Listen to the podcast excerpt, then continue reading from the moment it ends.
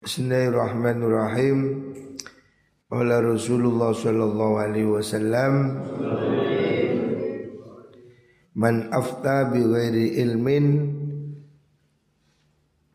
la'anathu malaikatus samawati wal ard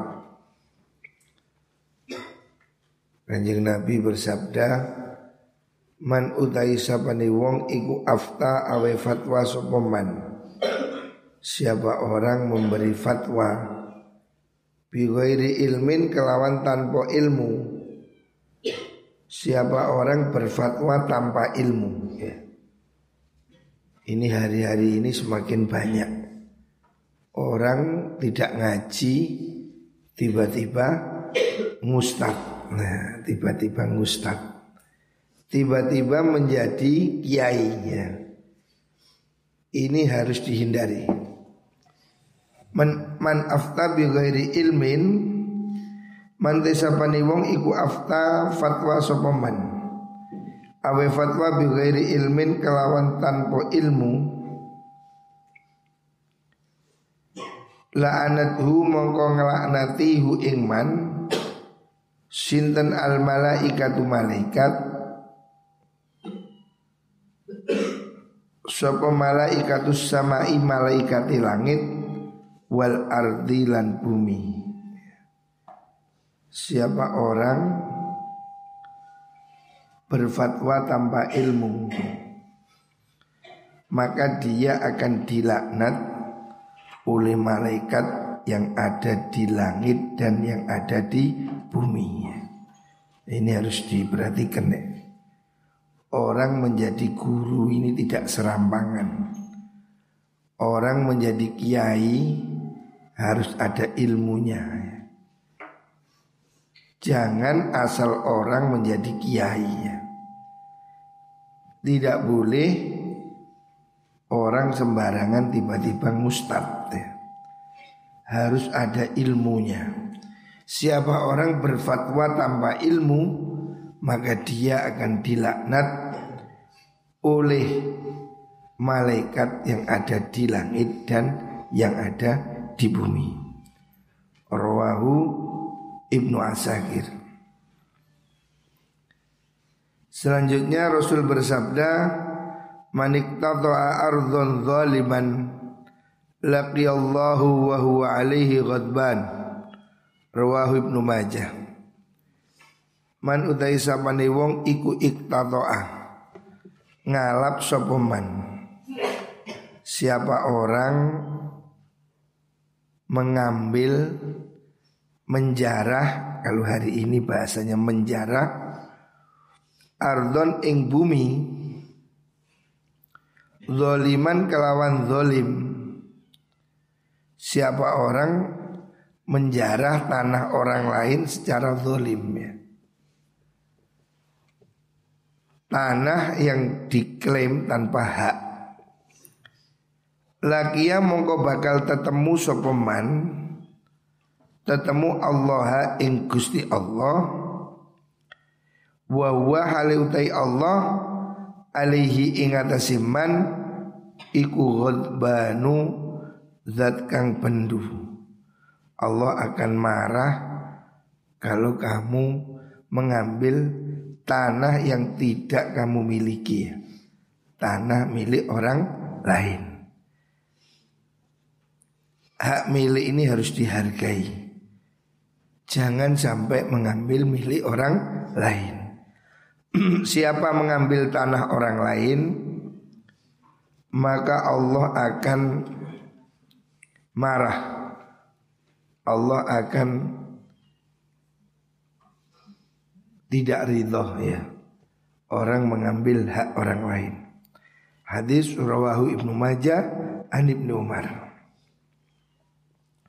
Selanjutnya man aksara minal istighfar Man utai sapane wong iku aksara ngakeh-ngakehaken sapa man? Minal istighfari saking istighfar. Siapa orang memperbanyak istighfar? Ja'ala mongko akan sinten Allahu Gusti Allah?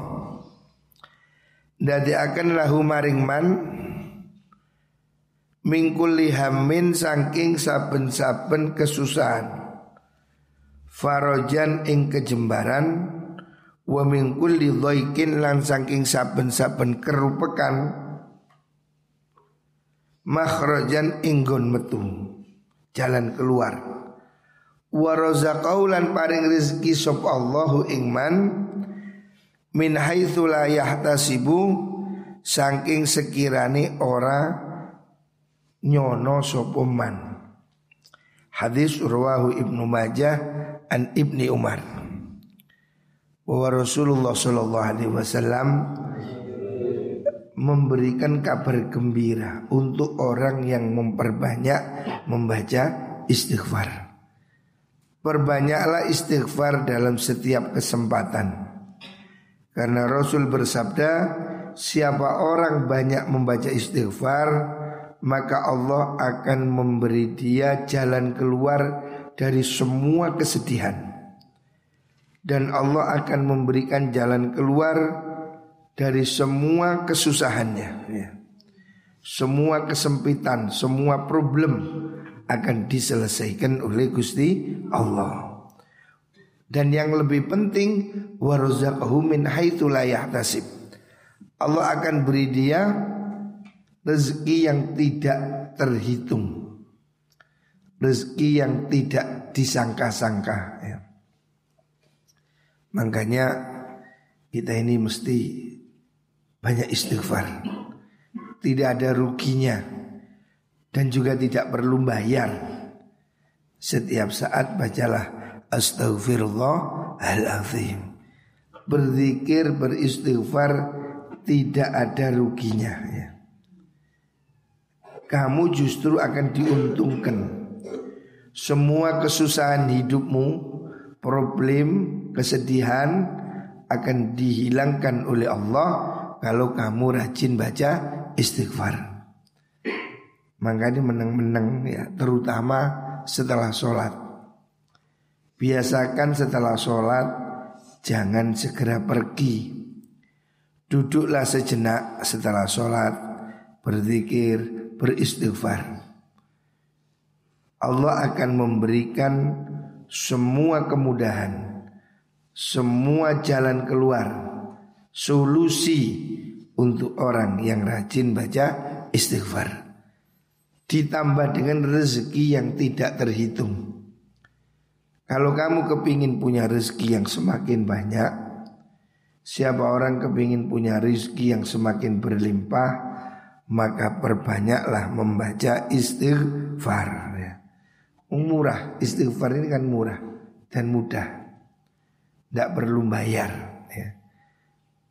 Setiap saat bisa kita lakukan. Ini fungsinya menambah rezeki. Allah juga mengatakan dalam Al-Quran Istaghfiru rabbakum innahu kana ghafar Yursilis sama'a alaikum midrar kalau kamu banyak istighfar, Allah akan memberikan rezeki yang banyak. Allah akan berikan anak-anak yang banyak. Anak-anak yang baik ini termasuk rezeki ya. Hujan yang deras artinya rezeki yang seperti hujan. Rezeki yang datang dengan tidak apa, tidak pilih-pilih. Hujan ini turun di rumah orang kaya, orang miskin, rata, ya. umum ya. Ini hadis rawahu Ahmad. Selanjutnya Nabi bersabda, "Man akala fasyabi'a wa syariba farawiya." Man utai sapane wong iku akala mangan sapa man. Lan warak sapa man. Siapa orang kemudian makan dan kenyang. Wa syariba lan ngombe sapa man ngombe terus Farawiyah mongko seger sopoman Siapa kemudian merasa seger habis minum, seger habis makan, kenyang, dia mau berdoa. Kemudian pada anu lindungo sopoman, fakola ngucap sopoman alhamdulillahilladzi at'amani wa asba'ani wa saqani wa arwani Siapa orang setelah kenyang setelah minum berdoa. Mengucapkan alhamdulillah. Alhamdulillah ke puji kulilai kedua Allah. Alladzi amani kang paring mangan sinten Allah ni ing ingsun. Wa asba'ani lan marakaken sinten Allah ni ing ingsun.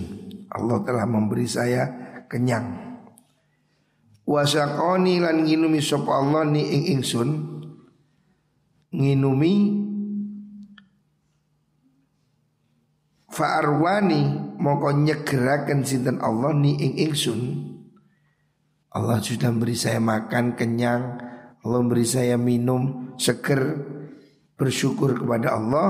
Siapa orang makan terus bersyukur Khoroja mongko metu sopoman min dzunubihi saking piro-piro dosane man maka dia akan diampuni keluar dari dosanya. Kayaumi waladathu kayaumi waladathu kaya dina ning lahiraken hu ingman sapa ummuhu ibu iman siapa orang kenyang walaupun tidak puasa kenyang tapi bersyukur. Itu juga dihapus dosa-dosanya oleh Gusti Allah. Kayaumi waladatuhum seperti baru lahir. Begitu besar. Rawawi Ibnu Sinni an Abi Musa al Ashari Selanjutnya Nabi bersabda Man amato adha antorikil muslimin kutibat lahu hasanatun Man utai sapane wong iku amato ngilangaken sapa man. Adan ing piloro antorikil muslimina saking dalani wong Islam kutibat mongko den tulis lahu kedue man opo hasanatun kebagusan. Wa man utai sapane wong iku tukubilat den trimo minhu saking man opo hasanatun kebagusan dakhala mongko mlebu sapa man al jannata ing suwargo. Hadis rawahul Bukhari an Makal bin Yasar. Kanjeng Nabi menganjurkan perbuatan baik sekecil apa pun. Di sini misalnya ya. Misalnya Nabi memberi contoh hendaknya kita membersihkan jalan dari kotoran ya.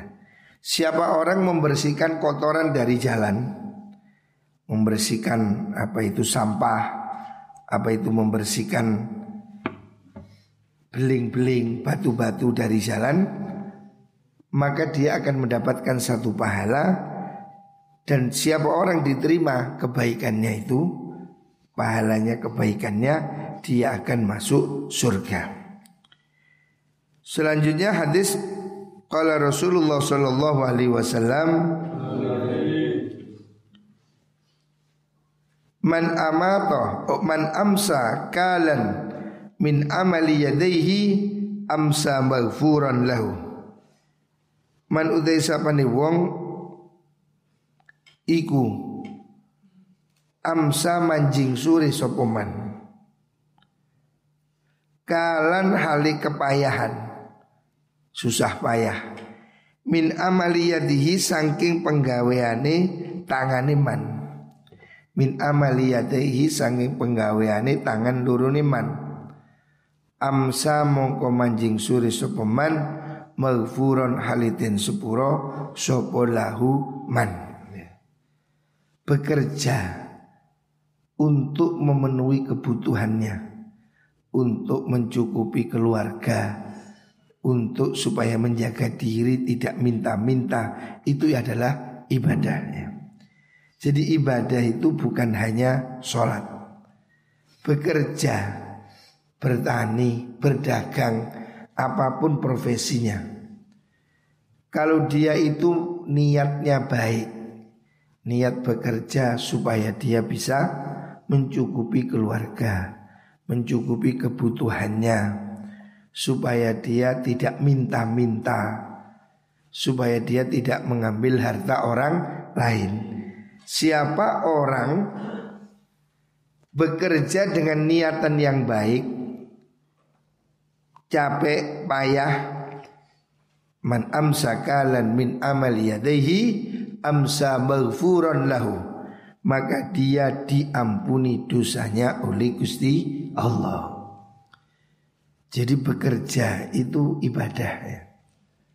Ini yang perlu kita catat. Jangan malas. Jangan menggantungkan hidup kepada orang lain. Santri harus rajin. Kiai juga harus kerja. Jangan jadi orang yang senang diberi atau dicukupi oleh orang lain. Jangan menggantungkan hidupmu dari pemberian orang. Itu pasti tidak nyaman, pasti tidak nyaman. Kamu akan lebih tenang kalau kamu bekerja dengan tanganmu sendiri. Dan itu adalah pekerjaan terbaik. Bekerja mencukupi anak istri itu ibadah. Itu kewajiban dan itu ibadah. Banyak hadis yang menerangkan tentang ini ya. Jangan kemudian tomak, nggak mau kerja, tidur terus, nggak mau ke pasar di masjid terus. Nah kalau kamu memang sudah kaya raya silahkan. Tapi kalau kamu belum cukup, jangan sekali-kali tidak bekerja karena kamu akan jadi beban bagi orang lain. Kalau kamu mau bekerja capek, capekmu itu mendapat ampunan dari Gusti Allah. Ini hadis riwahu rawahu Ibnu Abbas ya. Jadi capek bekerja itu dapat ampunan Allah. Makanya jangan males bekerja. Ya. Jangan nganggur. Santri jangan suka nganggur ya. Kiai juga sama. Kita ini semua kiai, ustadz, harus mau usaha. Jangan menjadi hidup ini beban bagi orang lain. Apalagi kita tergantung pemerintah, tidak bagus ya. Pemerintah ini kasihan. Biar ngurusi orang-orang yang lebih menderita. Kita-kita jangan jadi beban siapa pun. Bekerja yang rajin, muka-muka dicukupi oleh Gusti Allah. Selanjutnya kanjeng Nabi bersabda, Man amsaka birika bi akhihil muslim la yarjuhu la yakhafuhu ghufira lahu rawahu tabrani Kanjeng Nabi bersabda Man utai sapane wong iku amsaka ngrekso sapa man. Man utai sapane wong iku amsaka ngeker. Ngeker itu memegang, menulungi maksudnya. Man amsaka Birika bi akhihi kelawan lapae sedulure man tunggangan. Lapak maksudnya tunggangan. Zaman dahulu ya orang ini kan naik kendaraan zaman dulu ya. Kendaraan enak pada masa itu ya unta. Sebelum ada Toyota naiknya unta. Lah unta itu kan kalau mau dinaiki harus diturunkan dulu. Beda dengan naik kuda. Kalau orang naik kuda itu kan harus naik jong apa kursi atau lompat. Kalau naik onta itu ontanya diturunkan. Terus biasanya di untanya ini diberi apa itu kayak kursi gitu, kayak tenda. Jadi orang di dalam situ bisa jalan dengan tenang, ada tendanya ya. Mobil pada masa dulu ya onta itu. Itu mampu berjalan siang malam tanpa henti ya. Lah untuk naik onta ini kan diperlukan ada yang megang. Karena onta ini kan harus diturunkan Baru orang ini naik loh. Siapa orang mau nulungi temannya? Untuk gondeli Unta yang mau dinaiki ini ya. Man amsaka birika bi akhil muslim Layar juhu kang ora Arab-Arab sopeman hu ing mengkono akhihi maksudnya dengan tanpa upah. Walaya khaufulan ora wedi sapa man hu ing mengkono muslim bukan karena takut bukan karena upah. Memang murni kepingin nulung ya. Kalau kamu nulung orang nulunglah dengan sukarela. Jangan nulung dengan mengharap imbalan. Siapa melakukan itu ghufira lahu. Ghufira mongko den sepura sapa lahu maring man. Allah memberi banyak contoh ya. Tadi sebelum ini hadis siapa membersihkan jalan diampuni oleh Allah. Siapa nulung orang lain juga diampuni oleh Allah. Betapa banyak ampunan Allah ya. Kita ini dengan berbuat baik Insya Allah ya Di mana pun berbuatlah yang baik Supaya kita mendapat ampunan dari Gusti Allah Kalau sudah diampuni Allah Alamat hidup ini bahagia Di dunianya beres Di akhirat juga beres ya. Makanya biasakan tradisi nulung orang ya. Jangan jadi orang yang tidak peduli Jangan jadi orang yang tidak peka ya. Contohnya orang ngantuk itu kan. Sikuten. Nah, bantu nah, supaya dia, dia bisa ngaji itu peka jadi. Kamu harus peka pada temanmu. Oh, temanmu ini sakit. Bantu.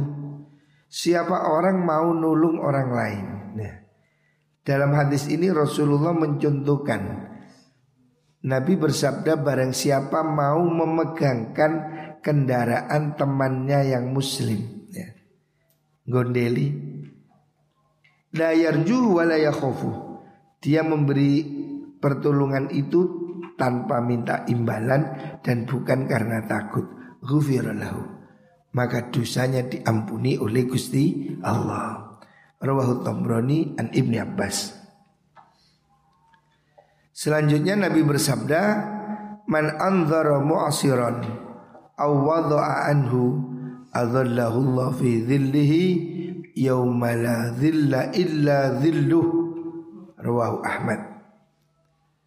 Kanjeng Nabi mengatakan man utai sapa wong iku anzara akan memberi tempo, memberi keluasan muksiron ing wong kang melarat Siapa orang memberi kesempatan tempo hutang orang yang miskin Memang dia belum mampu Jangan dikejar-kejar Jangan ditakut-takuti Beri dia kesempatan.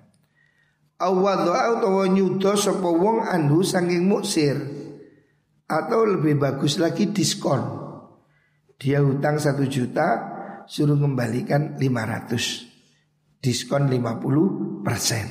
Siapa mau mengurangi hutangnya temannya atau minimal memberi keluasan supaya waktunya tidak apa namanya terburu-buru siapa orang melakukan itu Allahu mongko bakal ngiyup-ngiyupi hu ing man sinten Allahu Gusti Allah fi dhillihi ing dalam yup-yupani Gusti Allah yaumala dhillan dinani ora ana yup-yupan iku maujud illa dhilluhu angin yup-yupani Gusti Allah. Ya. Siapa orang mau memberi toleransi hutang. Orang hutang ini kan biasanya orang kepepet. Ya. Ini yang umum. Orang hutang itu biasanya sangat butuh. Siapa orang mau memberi toleransi kepada orang yang hutang memberikan tempo lebih panjang atau kalau mungkin mengurangi hutang itu diskon dia akan dilindungi Allah kelak di hari kiamat illa dhillu di hari tidak ada perlindungan kecuali perlindungan dari Gusti Allah hadis riwayat Imam Ahmad ya. ini termasuk apa kebaikan orang-orang kaya hendaknya melakukan seperti ini.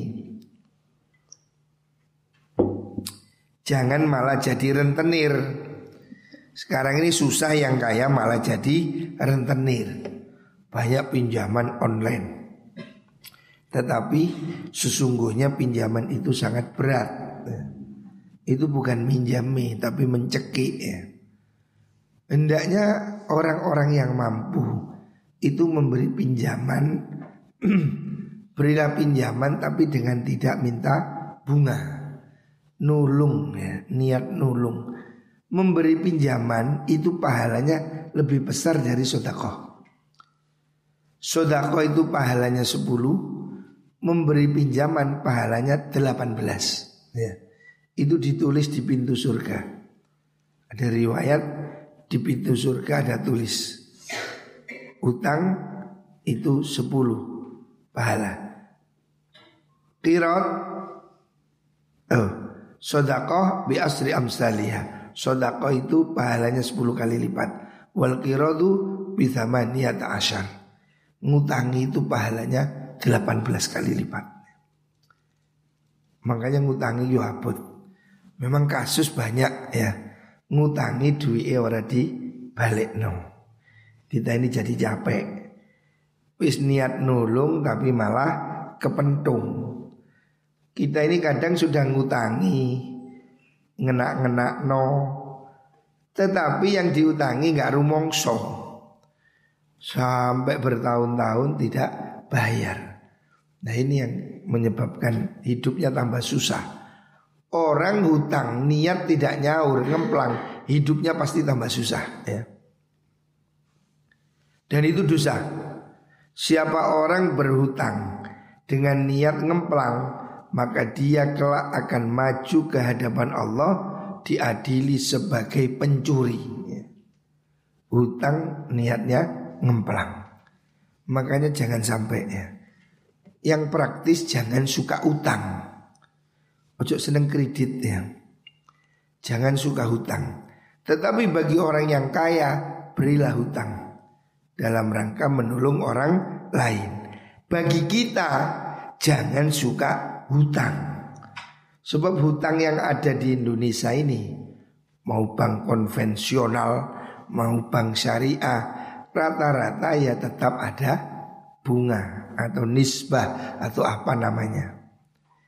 Artinya tidak ada orang yang mau menghutangi suka rela. Tidak ada bank yang ikhlas utang sak juta, bayar sak juta, sulit. Ya pasti ada bunganya. Makanya lebih baik kalau kita tidak hutang. Lebih baik kalau kita mencukupi kebutuhan diri, jangan sampai hutang.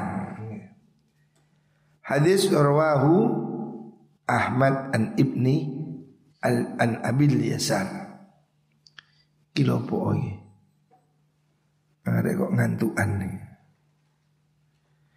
Selanjutnya Rasulullah Shallallahu Alaihi Wasallam bersabda, man an man un ima alaihi nikmatun fal yahmadillah. Perintah dari kanjeng Nabi man un ima man utai sapane wong iku un imat den paringi nikmat sapa alaihi ing man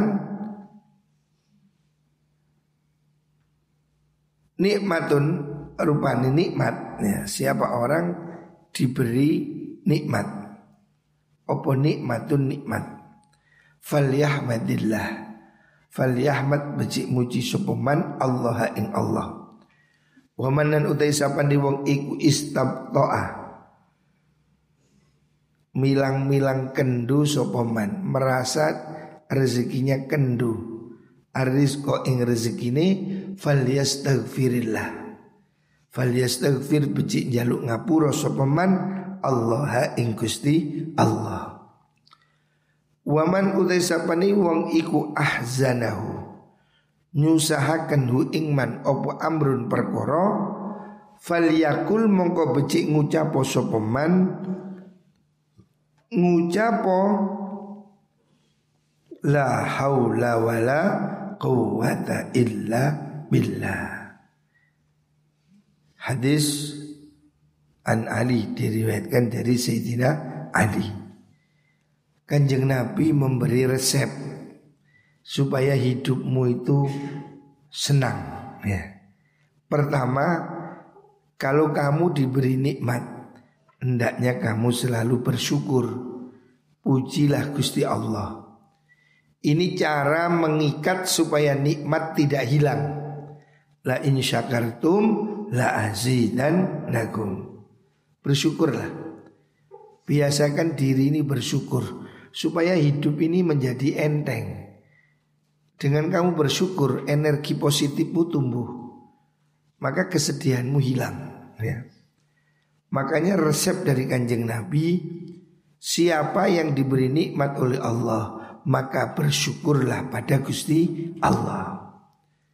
Yang kedua, barang siapa rizkinya kendu, barang siapa merasa rizkinya kok seret, musim pandemi ini rezeki kok semakin sulit, rezeki kok menurun, ini resepnya. Fal yastaghfirillah, hendaknya dia minta ampun pada Gusti Allah. Istighfarlah solusinya. Kalau rezekimu seret, mungkin dosamu banyak. Ada dosa yang bisa membuat rezeki jadi seret. Makanya kalau ingin rezeki lancar, perbanyak membaca istighfar. Ini resepnya kanjeng Nabi. Sekarang banyak orang ini sumpah gak punya duit, susah cari kerja. Nah, kamu pakai akal. Pakai juga rohaninya. Pakailah spiritualnya. Jangan cuma kerja lahir. Batinnya apa? Perbanyak baca istighfar. Selanjutnya siapa orang sedih? Kalau kamu sumpah perasaan nggak enak, jutek ya. Bawaannya kok hidup kok kayak apa sedih aja gitu. Ini resepnya. Fal yakul la haula wala quwwata illa billah. Ya. Resep mengatasi kesedihan pasrahkan semuanya pada Gusti Allah. Pasrahkan hidup pada Allah, ucapkan la haula wala quwwata illa billah. Ya. Ini tiga resep penting. Ada tiga hal yang harus kita lakukan supaya hidup ini menjadi nyaman. Pertama, bersyukurlah kalau kamu mendapat nikmat dari Gusti Allah supaya dengan bersyukur itu nikmatmu bertambah. Yang kedua, kalau kamu rezekinya susah, kalau kamu merasa rezekinya kok semakin turun, turun, turun, solusinya bukan dengan mengeluh, solusinya dengan memperbanyak istighfar. Yang ketiga, siapa orang sedih, obat kesedihan yang mujarab tidak dijual di apotik. Tapi ada dalam hadis Nabi siapa sedih perbanyaklah mengucapkan la haula wala quwwata illa billah. Artinya pasrahkan hidup pada Allah. Tidak ada kekuatan tidak ada rekayasa kecuali atas izin Gusti Allah ini tiga hal yang gampang kita lakukan insya Allah membuat hidup kita semakin nyaman dan bahagia. Amin Allahumma amin.